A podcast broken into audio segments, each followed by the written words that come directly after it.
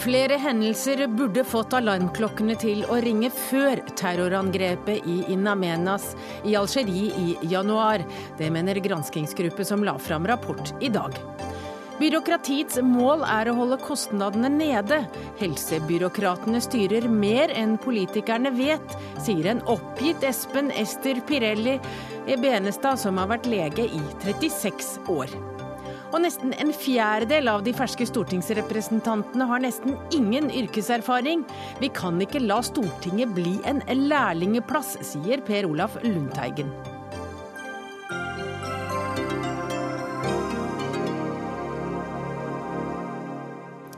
Ja, Det er noen av sakene i Dagsnytt 18. Vi rekker også å snakke om fotballklubber som er frikjent for juks, og Putin som har fått Syrias leder til å skrote kjemiske våpenlagre. Velkommen til én time i Dagsnytt 18. Jeg heter altså Hege Holm, og først skal vi til Algerie og terrorangrepet mot Statoils gassanlegg i Inamenas i januar. For det skjedde flere ting i forkant av terrorangrepet som burde fått alarmklokkene hos Statoil til å ringe.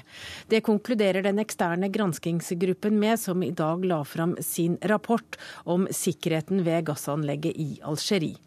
I januar ble altså gassanlegget angrepet av terrorister, og 40 mennesker, derav fem nordmenn, mistet livet.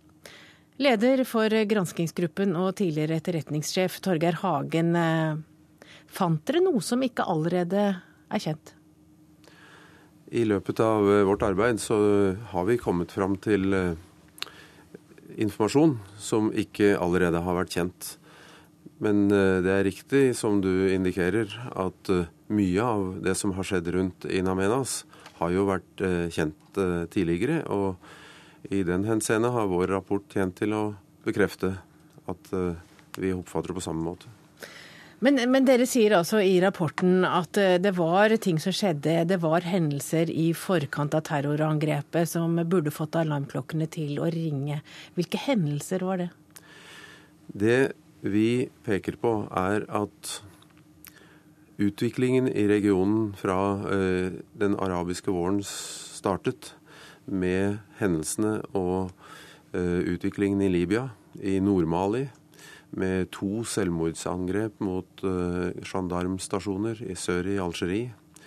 Med funn av uh, våpen nedgravd, og med trusler mot uh, en, en, flyrute. Burde vært sett i sammenheng, slik at man hadde hatt et helhetlig bilde.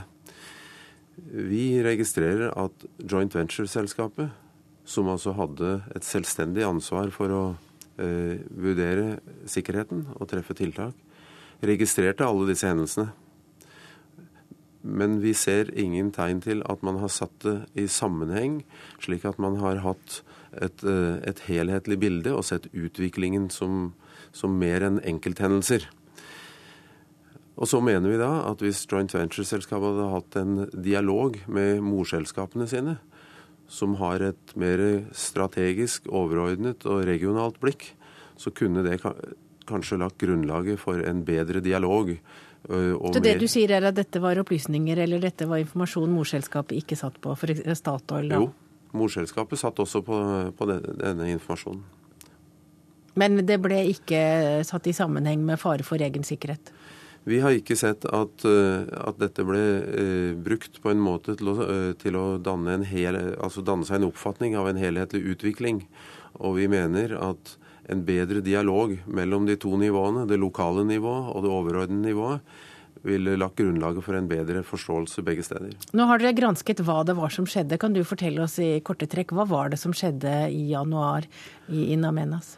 Den 16. januar krysset 32 terrorister grensen fra Libya og angrep eh, ca. ti over halv seks om morgenen eh, gassanlegget i Inamenas.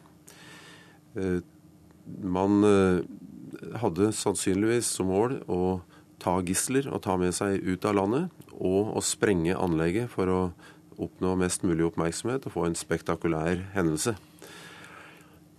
40 eh, uskyldige ble drept i angrepet fra ti forskjellige nasjoner og ti forskjellige selskaper. Eh, det varte eh, altså gjennom den 18. da eksplosjonen i gassproduksjonsanlegget skjedde på ettermiddagen. og Da var så mange døde. Og dere er sikre på at det var folk innenfor som, som ga opplysninger til terroristene? At de hadde folk innenfor anlegget også? Vi fastslår at terroristene hadde kunnskap om hvordan anlegget var organisert, og at de ved den første dagen når de kom, også etterspurte enkelte ledere ved navn. Vi mener at det er god grunn til å mene at man hadde innsideinformasjon. Samtidig vet vi at algeriske myndigheter sier at de, hadde, de har en person i varetekt som er mistenkt for dette, og som de hevder ble eller var ansatt som sjåfør i, ved anlegget i 2012. Hva kan vi lære av terrorangrepet mot Inamenas? Jeg mener vi, vi, må lære at dette kan skje hvor som helst og når som helst, og at vi må være forberedt på at selv hendelser med lav sannsynlighet, men som i dette tilfellet har store konsekvenser, kan treffe oss hvor vi enn er, egentlig. Og at vi må være for, forberede oss på det på forhånd. Det er for sent å treffe tiltak når terroristene står så å si ved porten. Men er det mulig å sikre seg mot terrorangrep som dette, hvor det satt kunnskap på begge sider, godt planlagt? Ikke, det, er, det er ikke mulig å utstede noen absolutt sikkerhet og oppnå noen 100% sikkerhet. Men man kan jo ikke av den grunn gi opp. Man må prøve å heve terskelen og lage dette til et så vanskelig tilgjengelig mål som mulig. Helge Lund, du er ansvarlig, du er konsernsjef i Statoil. Nå har du fått den uavhengige granskingsrapporten. Var det noe som overrasket deg? Dette er en grundig, veldig konkret, veldig kritisk rapport. Den peker på at Statoil har sikkerhetssystemer. Vi har ressurser, og vi arbeider etter et, et mønster. Men den peker også like klart på at det er betydelige forbedringsområder i Statoil. Vi trenger mer kompetanse, spesialister innenfor dette området. Vi trenger å jobbe mer helhetlig med sikkerhet av denne type.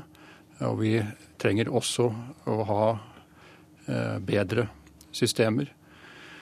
Dette er første gang i Statoils historie hvor vi har blitt angrepet av noen som vil oss vondt.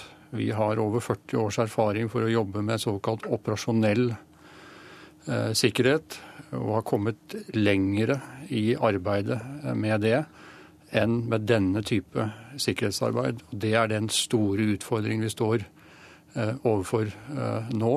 Det er å styrke alle deler av det arbeidet. Men bør dere egentlig være i så urolige områder som i Algerie og i, i Namenas? Som Hagen er inne på, så er terrorisme et globalt fenomen. Vi har fått erfare i Norge, i Spania, i London, i USA at terrorisme kan opptre alle steder. Men vi har i Statoil, og jeg er øverste sikkerhetsansvarlig i Statoil, jeg har ansvaret for at Statoils medarbeidere skal være trygge på jobb. Og det ligger et ansvar for oss i å gjøre gode sikkerhetsvurderinger og ta de nødvendige tiltak. Hvis vi ikke føler at vi kan ha en forsvarlig sikkerhet, så skal vi heller ikke ha medarbeidere der. Men risikoen er jo større i noen områder enn andre, og akkurat dette området er jo et urolig område? Risikoen er større i noen områder. Den er betydelig i uh, Algerie. Det var også omfattende sikkerhetstiltak rundt uh, anleggene i Algerie. Selv i lange, urolige perioder i, landet så hadde de militære og myndighetene god kontroll på alle olje- og gassanleggene. var de som hadde størst interesse av å, å beskytte disse. Det var det vi la til grunn. Men granskingsrapporten er veldig tydelig på at vi stolte for mye på militære militæret uten å være grundigere inne og kontrollere og verifisere selv at tiltakene var gode nok. Men når dere nå har fått denne rapporten, hva vil dere bruke den til?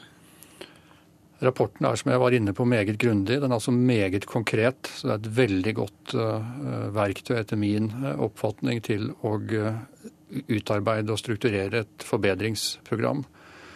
Det gjør vi med en tydeligere organisering, flere ressurser, mer helhetlig håndtering av sikkerhet på tvers av IT-sikkerhet, personsikkerhet eller personellsikkerhet og fysisk sikring så peker rapporten også på et meget viktig tema etter min vurdering, og det er en eh, bedre dialog, mer utveksling av erfaring og informasjon eh, mellom selskaper, mellom næringer, men også ikke minst mellom myndigheter og selskaper.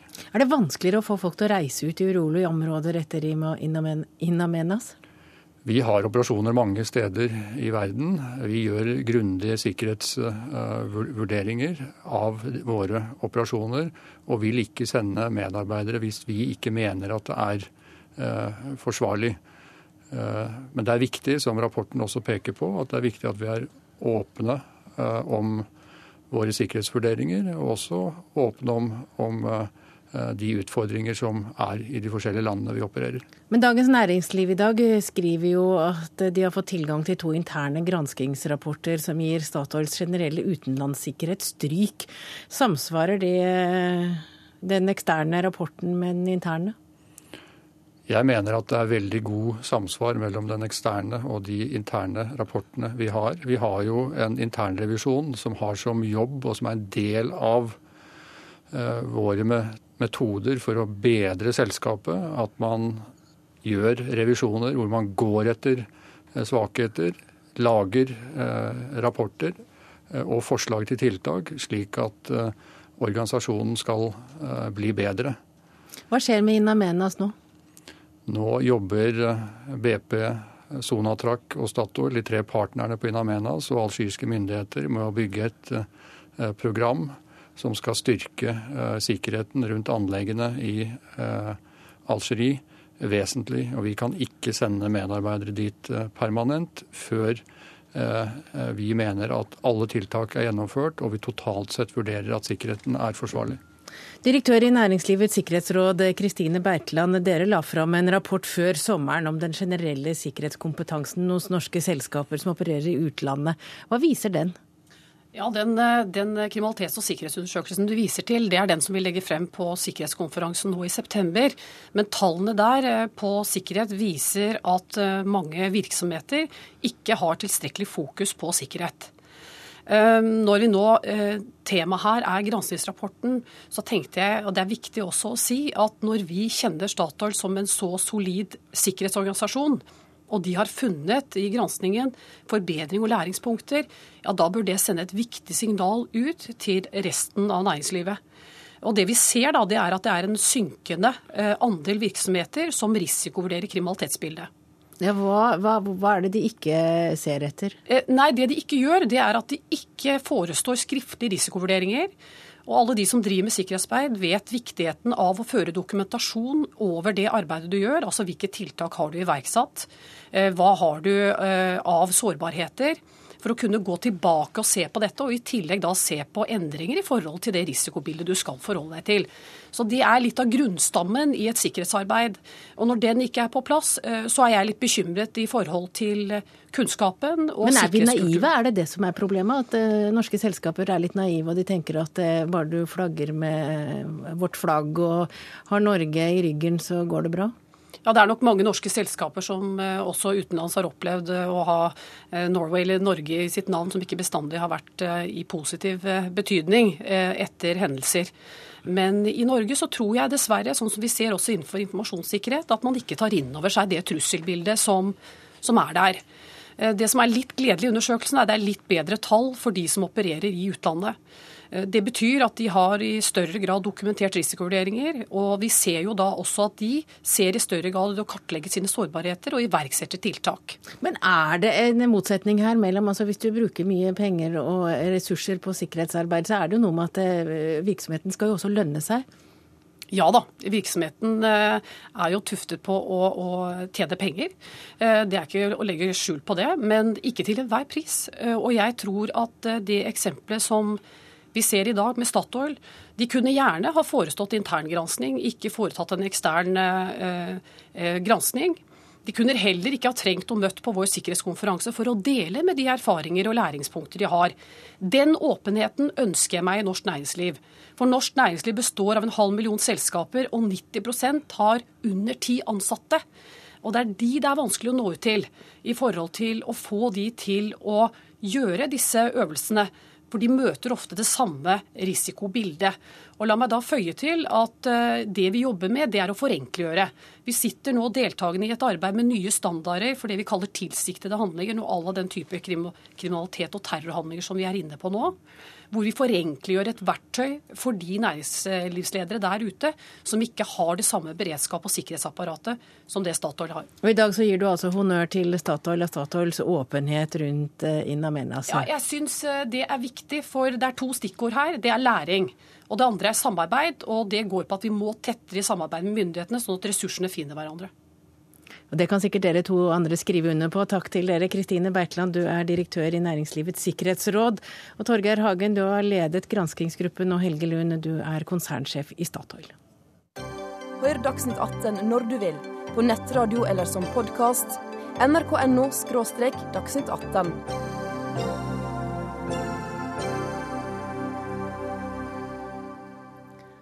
Ja, I dag har vel det som kan kalles for en gledelig nyhet kommet fra Syria. Syrias president Bashar al-Assad har nemlig fortalt at han nå vil avvikle sine kjemiske våpenarsenaler. Og al-Assad sier at det er russerne som har overbevist han, og at presset fra USA ikke har påvirket beslutningen.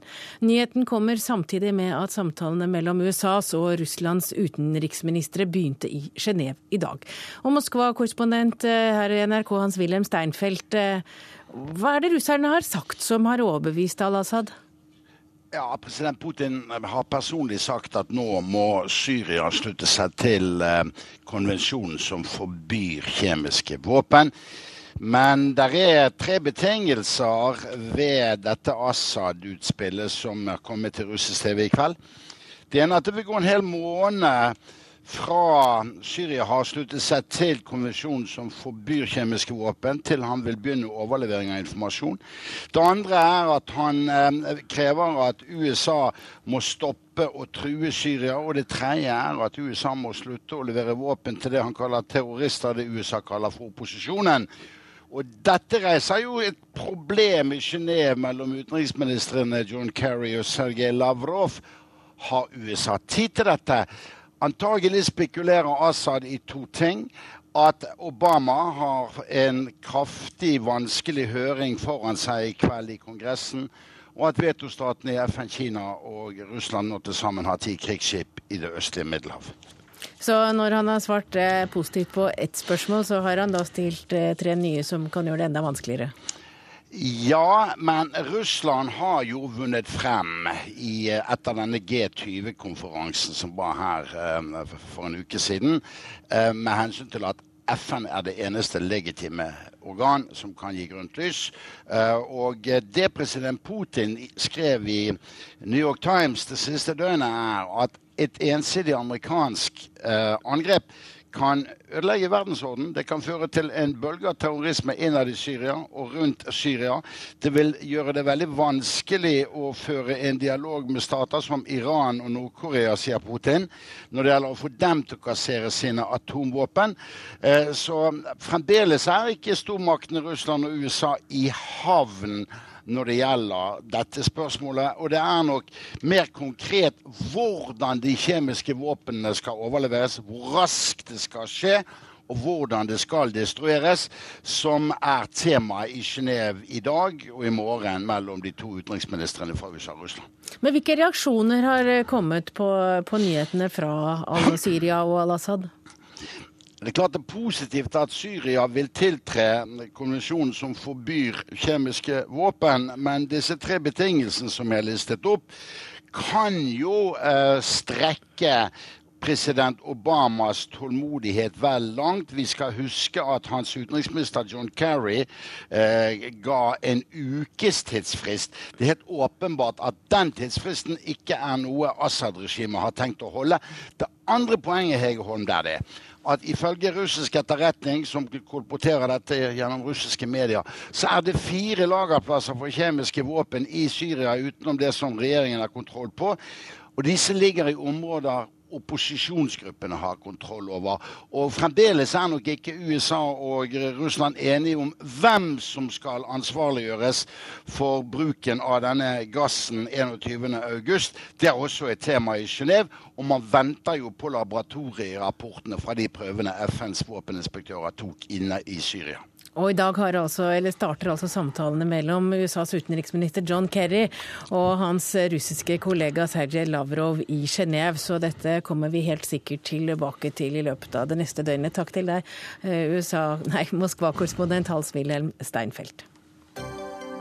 Hør Dagsnytt 18 når du vil, på nettradio eller som podkast. nrk.no – dagsnytt 18.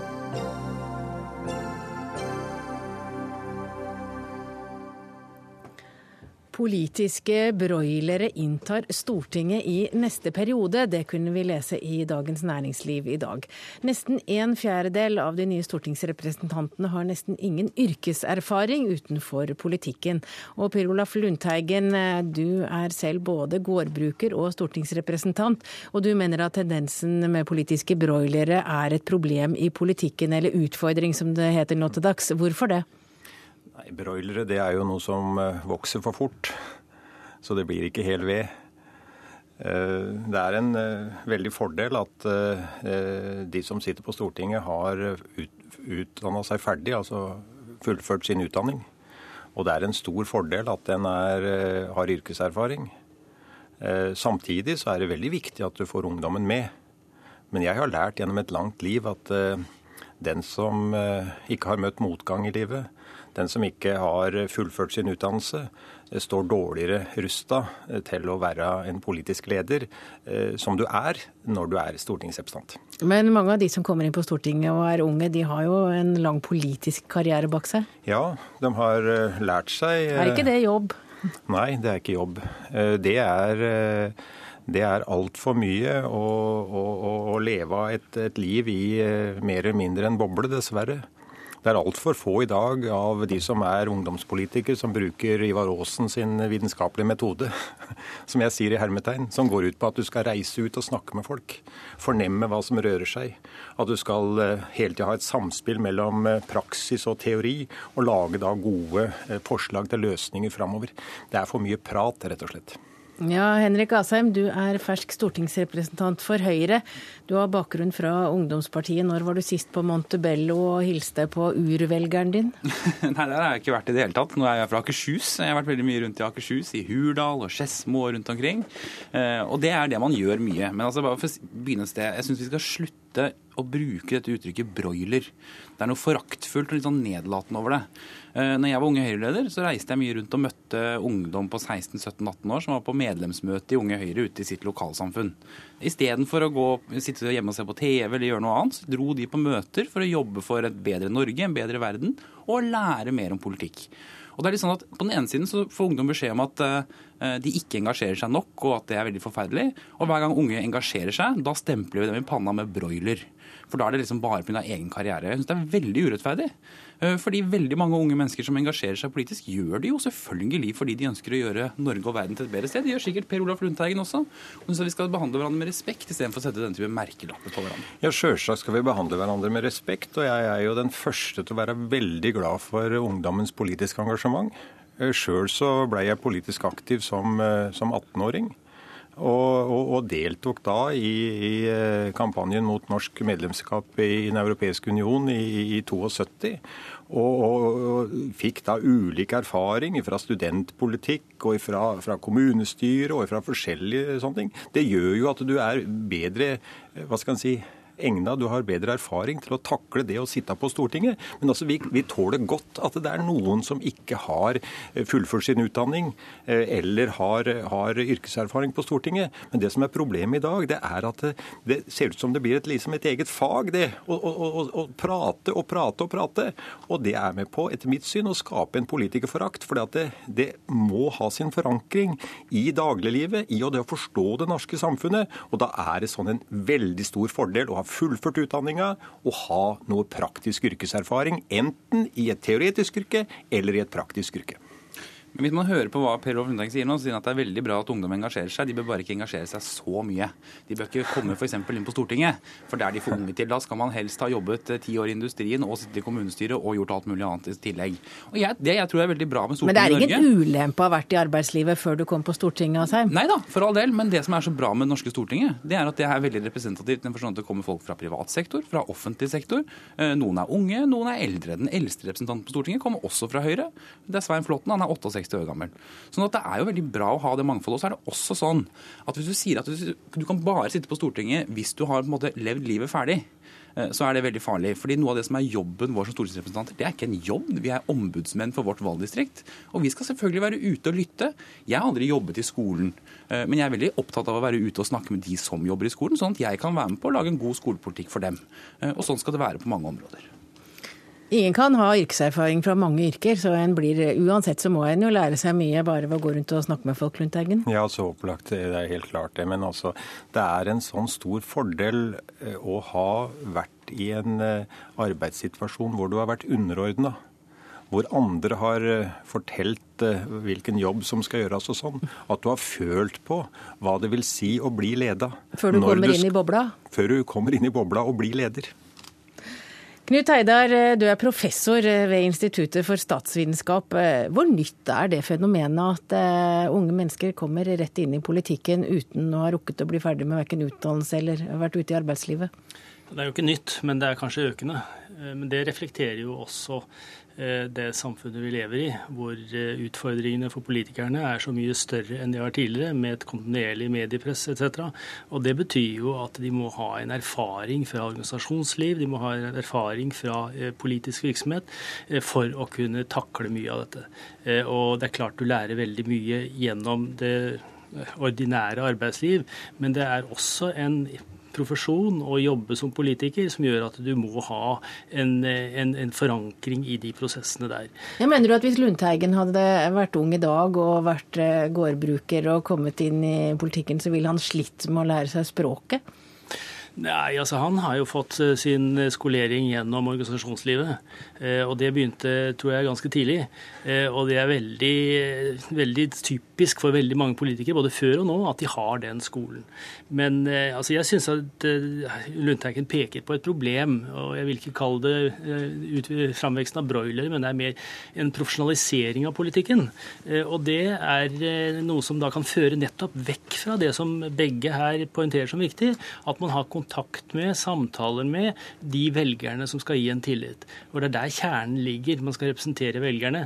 Eh, rett nok er det partiene som er de sentrale enheter, så det er ikke så veldig mye sprell. Noen gjør flere sprell enn andre, men det er ikke så veldig mye sprell en kan gjøre som representant, for partiene definerer dette. Men innenfor det rommet så er det viktig at eh, folk blir representert, og at folk føler seg representert. Og Det gjelder ikke bare yrkeserfaring, det gjelder f.eks. kvinner, det gjelder alder, det gjelder det meste. Men originalene, blir de borte, Lundteigen, når alle dresseres før de begynner? Ja, det er jo helt opplagt. Det er altfor få eh, røkker i politikken, for å bruke det uttrykket. Altfor få som er, er sjøllært. Altså Sjøl så har jeg jo da en erfaring fra 70-tallet hvor det virkelig var miljødebatt. Jeg var jo studentleder. Jeg var jo representant for Det grønne alternativ den gangen, og vi hadde da heftige diskusjoner mot rødfront. Uh, og det var jo en del av den uh, livserfaring som, som, jeg har. Men jeg er jo veldig opptatt av at den har, har et fag. Og jeg har erfaring Ringebu, fra Ringebu kommune, og der var en ordfører som heter Birger Sæther fra Arbeiderpartiet. Han sa det at du bør velge ledere som har naturlig respekt og autoritet i sitt fag. Altså at de, de har en, en, naturlig respekt gjennom at de er dyktige fagfolk. De har vist at de får til noen ting. Og det er det jeg etterlyser, flere av de. Men jeg veit hvorfor det er vanskelig å få de fram. For det, hvis du i dag eh, driver med noe stort mer enn verandakasse og sykkelhjelm og, og, og trikkekort, for å, for å, si det sånn, så, så, blir det jo så heftig kommentert hva du har i næringslivet ditt, privatlivet og det hele. Så det er veldig vanskelig i dag å være den eh, gamle typen ombudsmann som, som driver med noe næringsvirksomhet for deg sjøl, f.eks. For, eksempel, for du er veldig utsatt for at du har gjort en liten feil der eller der.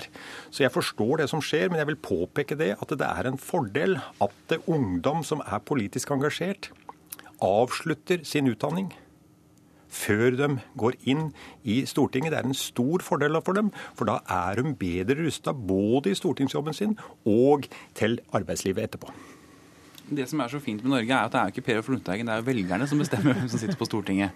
Eh, og gode råd skal man lytte til. Det er veldig bra. Men det er altså slik at det må være mulig eh, å ha en kombinasjon. Så tror jeg ikke for helt ærlig at du har lest CV-en til noen av disse 15 såkalte broilerne som Dagens Næringsliv skriver om. Stort sett alle disse har erfaring fra helt annen virksomhet enn politikk. Men de har også drevet med politikk. Og jeg synes det blir veldig rart å få beskjed om at du ikke kan få lov til å eh, stille til parlamentet, til og med bli valgt inn av velgerne fordi du ikke har levd lenge nok eller sittet i kommunestyret nok eller noe sånt. For det er jo veldig mange der som har arbeidserfaring, men de har også politisk erfaring. Velgerne har jo i dag tilnærmet ingen innflytelse på hvem som blir, blir valgt inn, for den kan ikke stryke eller den kan ikke forandre listene. Så det er jo partiene som bestemmer rekkefølgen på kandidatene kandidatene. Og de som er med da og setter opp de her partilistene, det blir jo stadig færre og færre mennesker. Så at dette her er jo et reelt problem. Velgerne må ta den lista som er framlagt, og akseptere det. Og det skal veldig mye til for at velgerne sier at nei, vi forlater den lista og går over til den lista, for her har vi en mer erfaren og livskraftig personlighet som en ønsker å stemme på. Men det foreslo faktisk Høyre. Altså, det er jeg enig i. Jeg syns velgerne skal ha mye mer makt. Men, men eh, Heidar, til slutt, er det lettere å, å, komme inn på Stortinget i dag enn det det var eh, ja, la oss si for 20-30 år siden? Nei, det tror jeg ikke. Det er like hard kamp om eh, de posisjonene nå som det var, men det er andre rekrutteringsmekanismer. Og en rekrutteringsmekanisme som er eh, på den litt problematiske siden, det er den økte rekrutteringen av, eh, av, av partisekretærer i stortingsgrupper og partiorganisasjoner. Og det er klart at Der tror jeg nok det ligger et ansvar for partiene for å sikre en litt bredere, bredere rekruttering. Men det er en utfordring tror jeg partiene, partiene selv må ta. Da sier vi at vi setter punktum for den debatten der. Og så eh, sier jeg takk for at dere kom hit. Per Olaf Lundteigen, eh, gårdbruker og stortingsrepresentant. Henrik Asheim, stortingsrepresentant for Høyre. Og Knut Heidar, professor ved Institutt for statsvitenskap.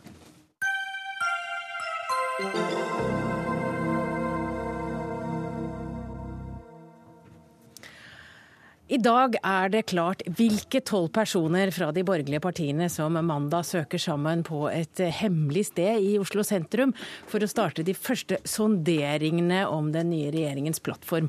Det skriver VG i ettermiddag. Og Einar Stensnes, velkommen. Du er ikke blant de tolv, men du var parlamentarisk leder for Kristelig Folkeparti på slutten av 90-tallet, og du var involvert i forhandlingene med Høyre i det som ble Bondevik II-regjeringen i 2001. Og da må du svare. Nå, nå, hører vi at de skal gå i sonderinger på mandag. Hva er det som skjer akkurat nå? Jeg er veldig glad for at du eh, skiller mellom sondering og forhandlinger. Det er nemlig veldig viktig. Det er klart Når det rød-grønne alternativet kom opp, så hadde de på forhånd klart at de ville regjere sammen. Så da hoppet de vel kanskje over den fasen. Men slik som eh, kortene er lagt nå, hvor ikke en har egentlig klart regjeringskonstellasjonen, så går en inn i sonderinger. Og da tar en opp en del uh, prinsipielle spørsmål, uh, vanskelige politiske saker, som har vært kanskje også fokusert i valgkampen. Og I tillegg, uh, slik som jeg erfarte det, så var det litt viktig å kunne si fordeling på tre forskjellige statsrådposter. Det er statsministeren, det var finansministeren og utenriksministeren. Mellom de tre partiene. Hvordan skal det fordeles? For det på en måte kunne indikere muligheten for å gå videre i forhandlinger sonderinger kan en gå ifra og si sorry, vi prøvde så godt vi kunne. Men det gikk dessverre ikke. og Da ligger det ikke noe prestisje i det. Og Det er det som skjer nå, fordi både Trine Skei Grande og Knut Arild Hareide har jo sagt at ja, vi skal sette oss sammen, vi fire ikke-sosialistiske partiene, og forsøke. Men uh, vi ser at dette er veldig vanskelig, og sannsynligheten for at det skal lykkes er vel ikke veldig stor. Men vi skal gjøre et forsøk. Men da vil det kanskje skalle av noen på veien? Eh, kanskje KrF-skallere eller Venstre-skallere? Ja, alle muligheter er egentlig åpne, og så får en overlate til hver enkelt å gjette på sannsynligheter. Det vil ikke jeg bidra med, men uh, alle fire kan bli enige. To kan bli enige, eller det står én igjen til slutt. Alt dette står åpent i en sondering. Men når en går over i forhandlingsfasen, da blir det straks mer alvor. Da er det sekretær til stede, da tas det referater. Og da er det egentlig ingen vei tilbake. Da er det bare å lykkes. Og da, da blir du låst inne og rett og slett eh, litt sånn som når paven velges ut. Da kommer det hvit røyk når du har kommet i mål? Ja, på en måte. Da er en dømt til å lykkes. Altså, da vil jo, hvis, hvis en etter forhandlinger ikke lykkes å komme i mål, så vil jo partier som har vært veldig kritiske til denne konstellasjonen for vann på mølla, de vil jo kun med rette si at ja, ja, det, dette kaoset som noen kaller det, det vi fikk jo rett. Så, så det, det, det, er jo, viktig å unngå det. At det er forutsigbart og trygt. At det går etter eh, forutsigbare skal vi si, prosesser. Først sondering, men når sonderingen er over og partiene er enige, nå går vi videre og forhandler da er det alvor. Ja, Hoppet dere over eh, sonderingene, Kristin Halvorsen? Du var SV-leder og har vært med på to runder. Ja, vi hadde jo forplikta oss overfor velgerne før valget at hvis vi fikk flertall eh, sammen, så skulle vi danne en rød-grønn regjering. Så det var jo klart, og det løftet hadde vi jo gitt alle sammen. Vi hadde bestilt Soria Moria. Vi visste hvor vi skulle være når vi forhandla. Og vi begynte ikke med det vanskeligste. Den måten som de tydeligvis har tenkt å begynne med nå på på Ja, Der hørte jeg at du sa i dag i Politisk kvarter i dag morges, så ga du de råd om at nei, ikke begynn med de vanskelige sakene. Nei, jeg tror det, Dette her handler jo om politisk eh, uenighet. Og det er fire partier som ikke har forplikta seg eh, til å gå i regjering sammen, alle sammen. De har forplikta seg til å snakke sammen, men ikke faktisk til å gå i regjering sammen. Og jeg leser jo, hvis det er sånn at de har tenkt å, å begynne med de eh, virkelig vanskeligste sakene, ja, ikke sant? så er det jo veldig fort at man ser at, eh, at man leiter litt etter en unnskyldning for å komme ut av det. Vi starta mm, da vi forhandla på Soria Moria. For det første så hadde vi fra SVs side hadde vi forberedt oss i ni måneder. En av mine mest betrodde medarbeidere var satt av bare til å gå gjennom eh, våre egne politiske viktigste saker. Det var ikke bare forankra i liksom den nærmeste kretsen eller stortingsgruppa. Da hadde vi vært ute i ulike miljøer i partiet også og fått innspill til det. Og vi hadde tenkt gjennom kompromisser, så vi hadde forberedt oss så absolutt så godt vi, vi kunne. Men du ble jo kjent som de små kamelers mor? De... ja, og det er jo helt feil. fordi at som, de som virkelig slukte kameler på Soria Moria, var jo Arbeiderpartiet. For de hadde jo flertall for veldig mye mer av den politikken. Miljø, altså, eller mangel på miljøpolitikk, da. Eh, ikke sant? Det er jo et massivt flertall i Stortinget for, en, for å bygge ut Lofoten og, og Vesterålen og Senja, for å drive en mye mer Uh, hva skal man si, gi mange flere konsesjoner til uh, oljeinteressene, som de måtte frastå fra. Men det skjedde i siste runde, når dere var kommet så langt at det var ingen vei Dere måtte bli enige? Ja, det var i hvert fall veldig viktig for psykologien og Eh, og tonen oss imellom, at vi begynte å se at det var mye vi var enige om. Altså at vi alle hadde ganske mye å vinne på at vi faktisk skulle eh, bli enige. Og da vi var ferdig på Soria Moria i første runde i 2005, så sa jo våre venner rundt omkring i Europa at eh, dette var den mest radikale regjeringserklæringen som fantes i hele Europa. Og det var veldig tydelig å se igjen. Vi fant jo igjen våre formuleringer i forhold til ja, at det alltid skulle være FN-mandat for å delta i internasjonale militære operasjoner, f.eks. Det var et veldig tydelig, eh, viktig eh, prinsipp. At vi skulle ut av Irak, at vi skulle ut av Operation Enduring Freedom i Afghanistan. Eh, at barnehageforliket lå spikra på. Vi så veldig tydelig men, men våre det, egne spor. Men hvor viktige er saker og hvor viktige er statsrådposter? Er det sånn at eh, hvis du blir finansminister, eller eh, så, så kan du fire i en annen sak som er viktig for partiet? Altså At det er hestehandel hele veien her? Nei, vi hadde forhandla fram veldig mye av det politiske grunnlaget før vi begynte å diskutere statsrådposter. Og SVs delegasjon dro til Soria Moria uten å være sikre på at jeg skulle bli finansminister, f.eks., eller mene at det var veldig viktig. Det så vi egentlig gjennom forhandlingene. At eh, dette, det kom til å bli veldig eh, hva skal man si, skeivt sammensatt hvis Arbeiderpartiet skulle ha både statsministeren og utenriksministeren og eh, finansministeren, og at, at, det var eh, utrolig viktig at det var en, en jobb som vi påtok oss. Bare en liten kommentar til dette med å ta det vanskelige først. I sonderingene så forhandler en ikke noe, men en prøver ut en del vanskelige ting. En er nødt til å gjøre det, for en må vite er det forhandlingsvilje på Lofoten, Vesterålen, er det forhandlingsvilje på hjelp til fattige og forfulgte, på asylbarna og alt dette som, som eh, kan være noe forskjellig mellom de fire partiene. Men en forhandler ikke. Men en må, en må teste ut dette. Og så må en kanskje også se hvordan tenker en eh, styrke i, i, forhold til regjeringsposter. Men i forhandlingene da var det slik at en, det er et velkjent grep også. En begynte med det som alle kunne være enige om. skape god stemning i forhandlingsrommet, så det var alltid de enkle sakene først. Eh, de som vi visste det var stor enighet om, da kom stemninga. Og så blir det en miks. Så må en ta noen enkle saker, og så må en ta en litt utfordrende sak. Men kan ikke bare holde på med det. Og en kan iallfall ikke vente med de vanskelige helt til slutt. Det blir helt umulig. Så det blir en miks av de enkle sakene, og så tar en en vanskelig, og så fortsetter vi noe som en er enige om. Men, men har dere liksom... noen historier hvor dere husker i, når det er forhandlinger at det virkelig var vanskelig? At det var sånn at en bare hadde lyst til å sprenge vei ut av rommet og løpe og si 'dette går ikke'? Ja, det har vel begge, begge to. Eh, hos oss var jo eh, Dette var jo 2001, og det var rett etter altså 9. mars 2000, jeg husker veldig godt den datoen. Da gikk regjeringen Bondevik 1 av pga. gasskraftverkssaken. gasskraftverksaken. Den ble kasta pga. Høyre og Arbeiderpartiet slo seg sammen. Nå skulle vi regjere sammen med Høyre i Bondevik 2. Da måtte vi jo få avklart dette. Og Det kunne ta lang tid hvis dette skulle være inne i forhandlingsrommet. Da valgte vi å sette ned en arbeidsgruppe av erfarne og betrodde og innsiktsfulle, kloke eh, energipolitikere som jobber i bakgrunnen eh, med et dokument. Og det var slik at når det dokumentet kom tilbake i forhandlingsrommet, så kunne det mer eller mindre eh, bare vedtas som jo, dette er fornuftig. Denne balansen er, den, den er god. Den er vi enig i. Så det klarte dere. Husker du at du begynte å gråte eller ble rasende eller Nei, og jeg, tårene har jeg ikke vist til noen, i hvert fall, holdt jeg på å si. Og det er ikke noen vanlig reaksjon for meg heller. Men, men, at jeg har tenkt at dette går ikke, det var, det var helt sikkert. Fordi, ikke sant, det er Og det er jo særlig de sakene der det er eh, veldig klinsj mellom Miljøpolitikken er jo en sånn mm. type sak hvor det ikke var på en måte grader av uh, uenighet. Som eksempel? Nei, ta, ta, vi var også ganske uenige egentlig om hvor forpliktende Soria Moria 1 skulle være. Hvor SV og til dels Senterpartiet også var veldig opptatt av at vi måtte ha liksom, Jo mer bombastisk og hvor klar tale det var i regjeringserklæringen, jo enklere ble det de neste fire årene.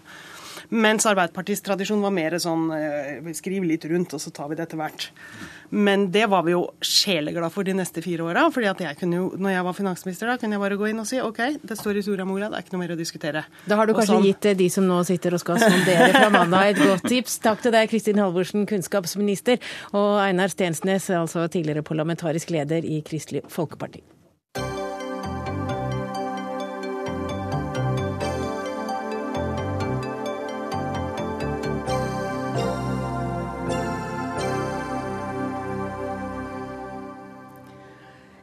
36 år har Espen Ester Pirelli Benestad vært lege. Helsebyråkratiet har aldri inspirert han til å bli en bedre lege, men han har mottatt mange henvendelser om å bli en billigere lege. Og Benestad, du spør eh, i Dagbladet i dag på kronikkplass om byråkratene har forstått at systemet er til for mennesker og ikke omvendt. Hva mener du med det? Ja, jeg bruker jo en lignelse da, i kjent bibelsk stil, hvor eh, hvor Jesus og disiplene hadde vært ute og gått på søndagen og var blitt både trøtte og sultne og litt av hvert. Og Så stopper de opp på en åker og finner noe kønn som de gnir mellom hendene for å få seg litt frø til lunsj.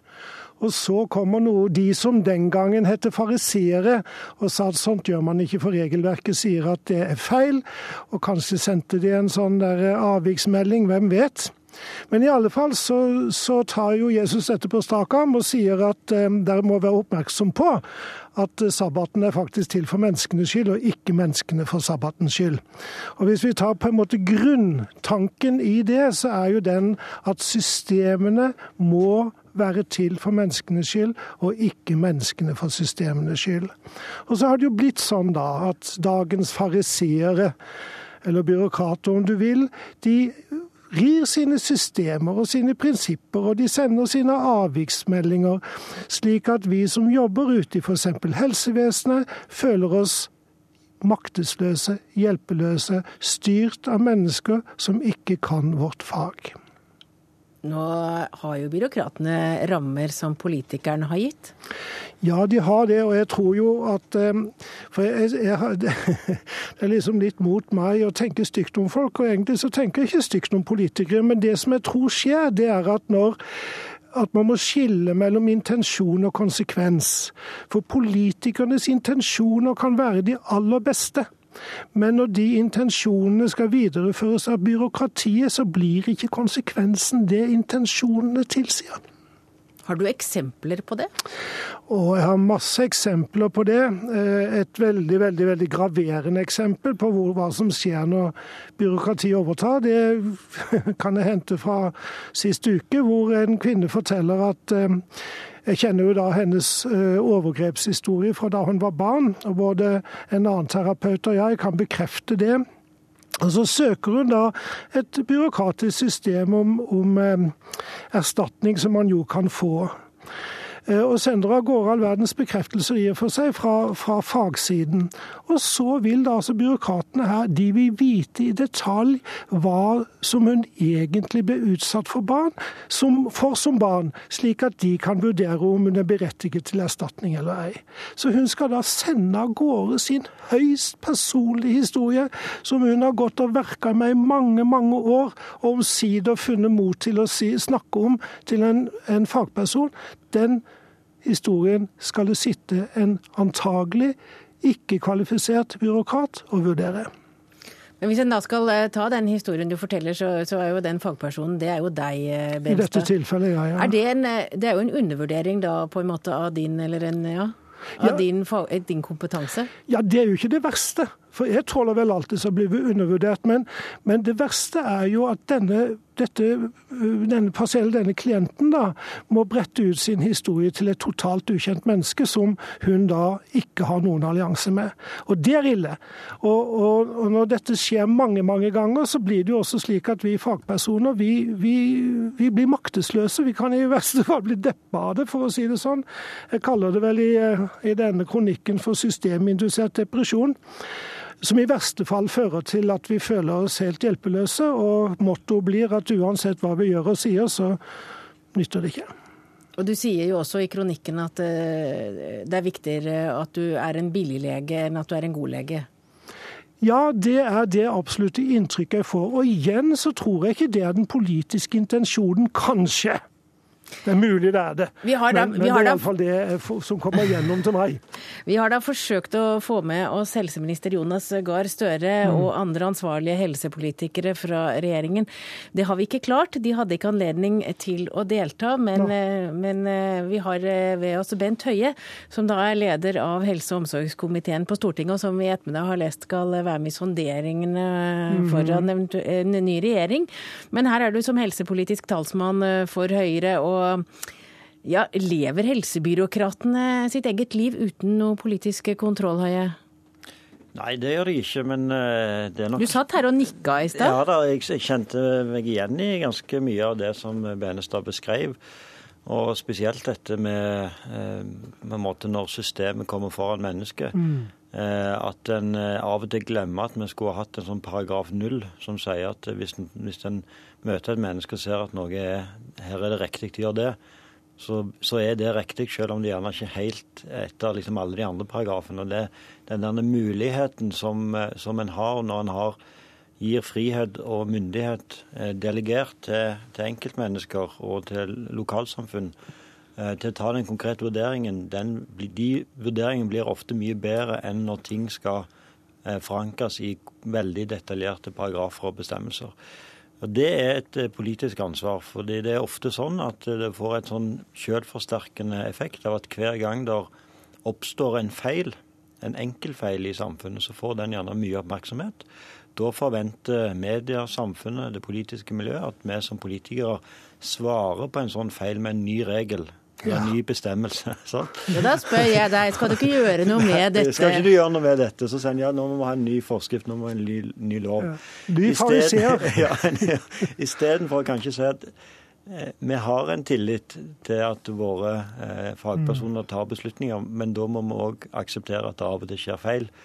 Eh, og så eh, er gjerne da summen av de feilene litt mindre alvorlig enn konsekvensene av å ha veldig mye detaljerte regler på alle områder.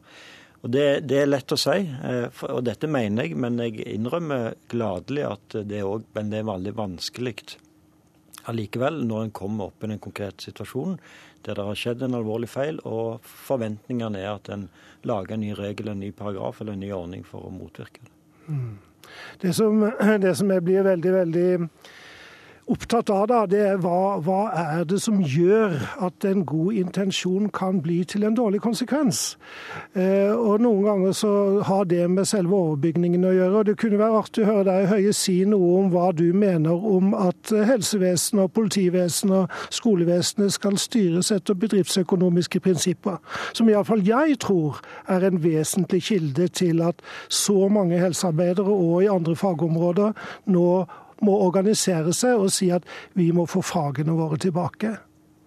Ja, nei, Jeg opplever det som, det som du beskriver, at uh, en uh, beskriver f.eks. dagens uh, helsevesen som et sted med mange glavalag, med, med beslutninger mm. over fagpersonene, og at det, på en måte den økonomiske resultaten og økonomi som, et, som nærmest et mål i seg selv ja. blir for dominerende i styringen, at en ikke har en balansert ledelse. Jeg tror vi alle sammen er selvfølgelig enige om at helsevesenet òg må forholde seg til de økonomiske rammene som de har fått.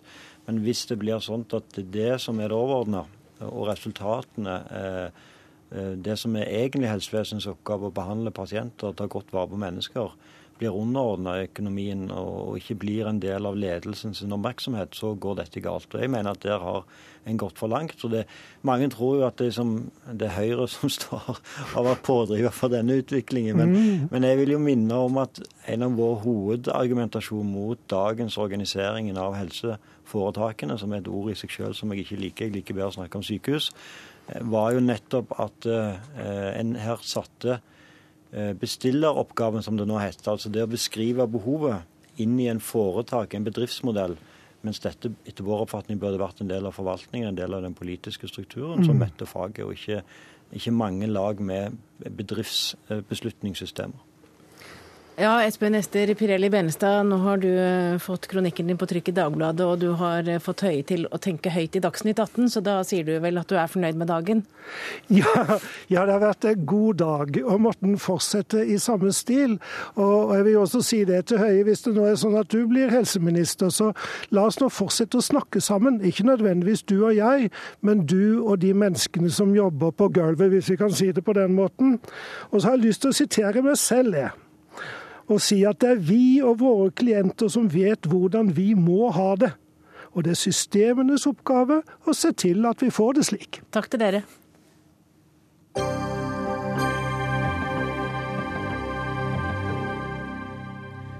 I dag kom dommen i den såkalte overgangssaken som handlet om kjøp og salg av en fotballspiller i 2011.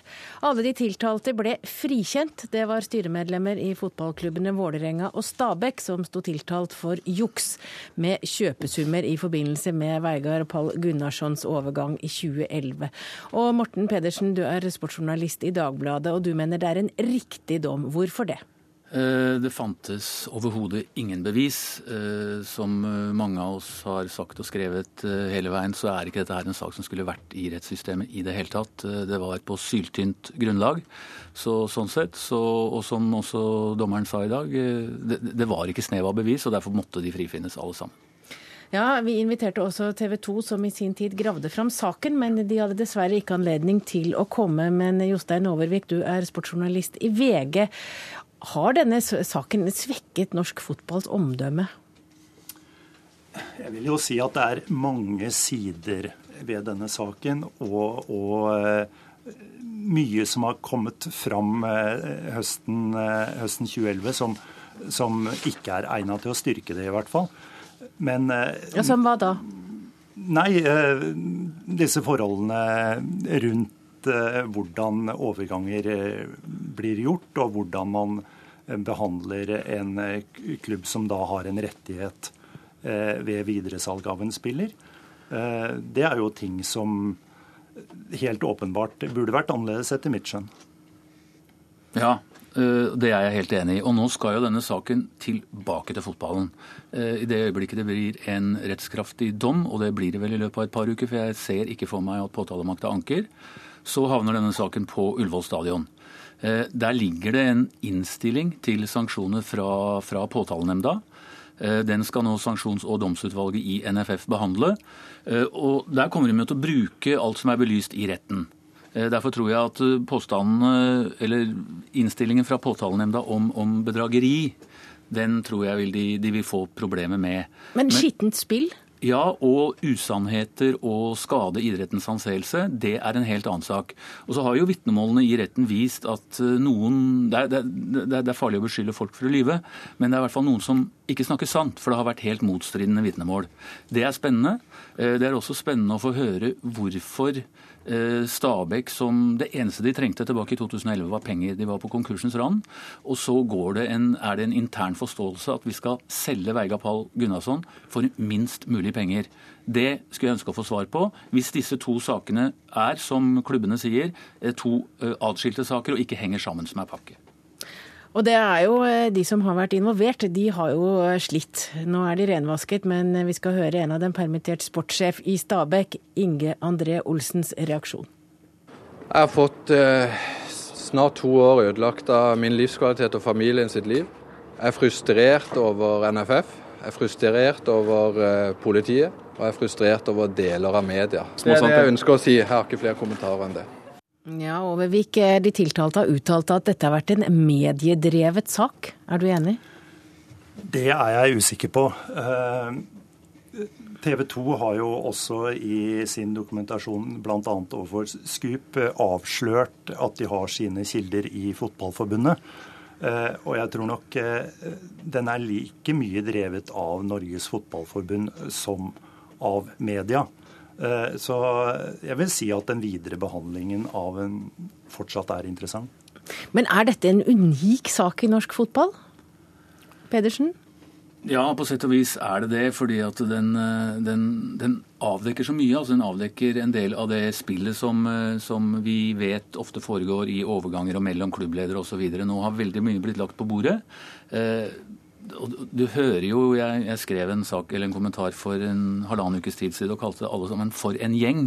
Og det er jo litt det det er. Det, de, de, de, møtes på kafeer, det er klapp på skulderen, det foregår på telefon. Eh, det, liksom, det er ingen egentlig å stole på.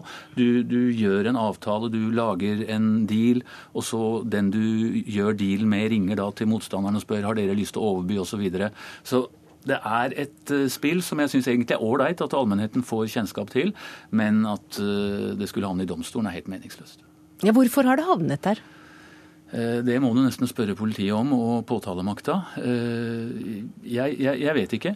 De følte kanskje at de hadde noe, men fra det øyeblikket de begynte å, å, å etterforske saken, og fram til det ble tatt ut tiltale, så burde noen ha sett på har vi bevis, og det hadde de faktisk ikke. Det har retten nå belyst at de ikke hadde. Så det er en merkelig sak. Det har jo vært en spiral her av flere ting, eh, som da til slutt endte i en straffesak. Eh, men jeg må jo si det at eh, jeg er forundra over at eh, aktoratet ikke hadde konkrete bevis å komme med i rettssalen. Men, men dette handler jo også om en opsjonsavtale på gjenkjøp. Er det vanlig med slike avtaler? Den eh, opsjonsavtalen det var snakk om her, har vi aldri sett like til, verken før eh, den ble inngått eller etterpå.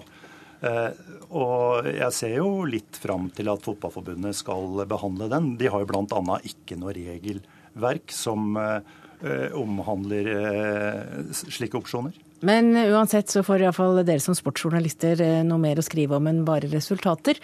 Sendinga fra Dagsnytt 18 er over for i dag. Ansvarlig for denne sendinga var Siri Hytten. Teknisk ansvar hadde Karl Johan Rimstad. Jeg heter Hege Holm, og vi høres igjen i morgen.